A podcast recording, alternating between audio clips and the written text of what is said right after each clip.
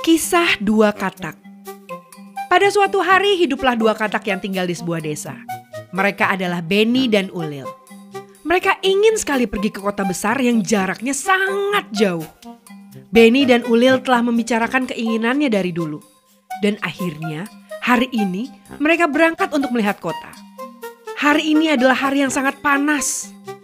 Dalam perjalanan mereka, mereka jadi cepat merasa lelah.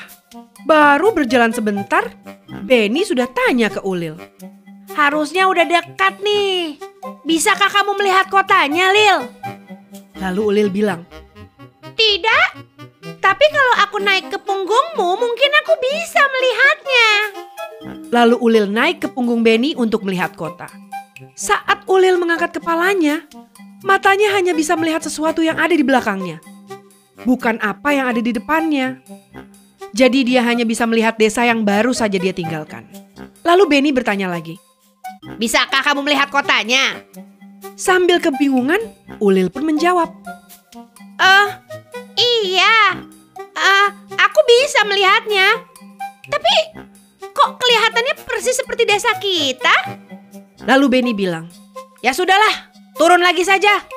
Kemudian Benny dan Ulil berpikir kalau tidak ada gunanya untuk melangkah lebih jauh.